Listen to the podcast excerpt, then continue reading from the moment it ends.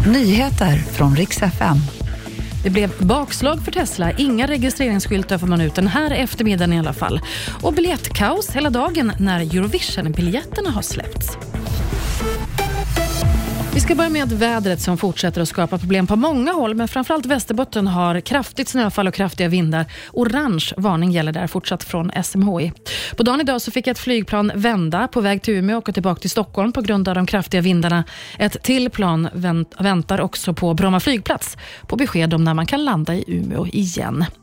Ser ut som bakslag för Tesla i den pågående blockaden. Solna tingsrätt har nu på eftermiddagen avslagit Teslans begäran.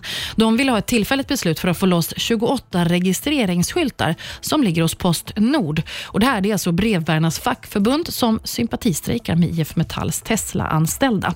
Solna tingsrätt de ska samtidigt stämma Postnord i ett tvistemål och Postnord har nu tre dagar på sig att svara på om de tänker lämna ut skyltarna eller inte. Det blev biljettkaos idag när biljetterna till Eurovision Song Contest i Malmö släpptes. Enligt P4 Malmöhus så var det över 400 000 personer i kö för att köpa biljetter. Ja, det har inte helt fungerat med köplatser och så vidare. 15 000 personer ryms totalt i arenan, men trycket det har som sagt varit enormt mycket större.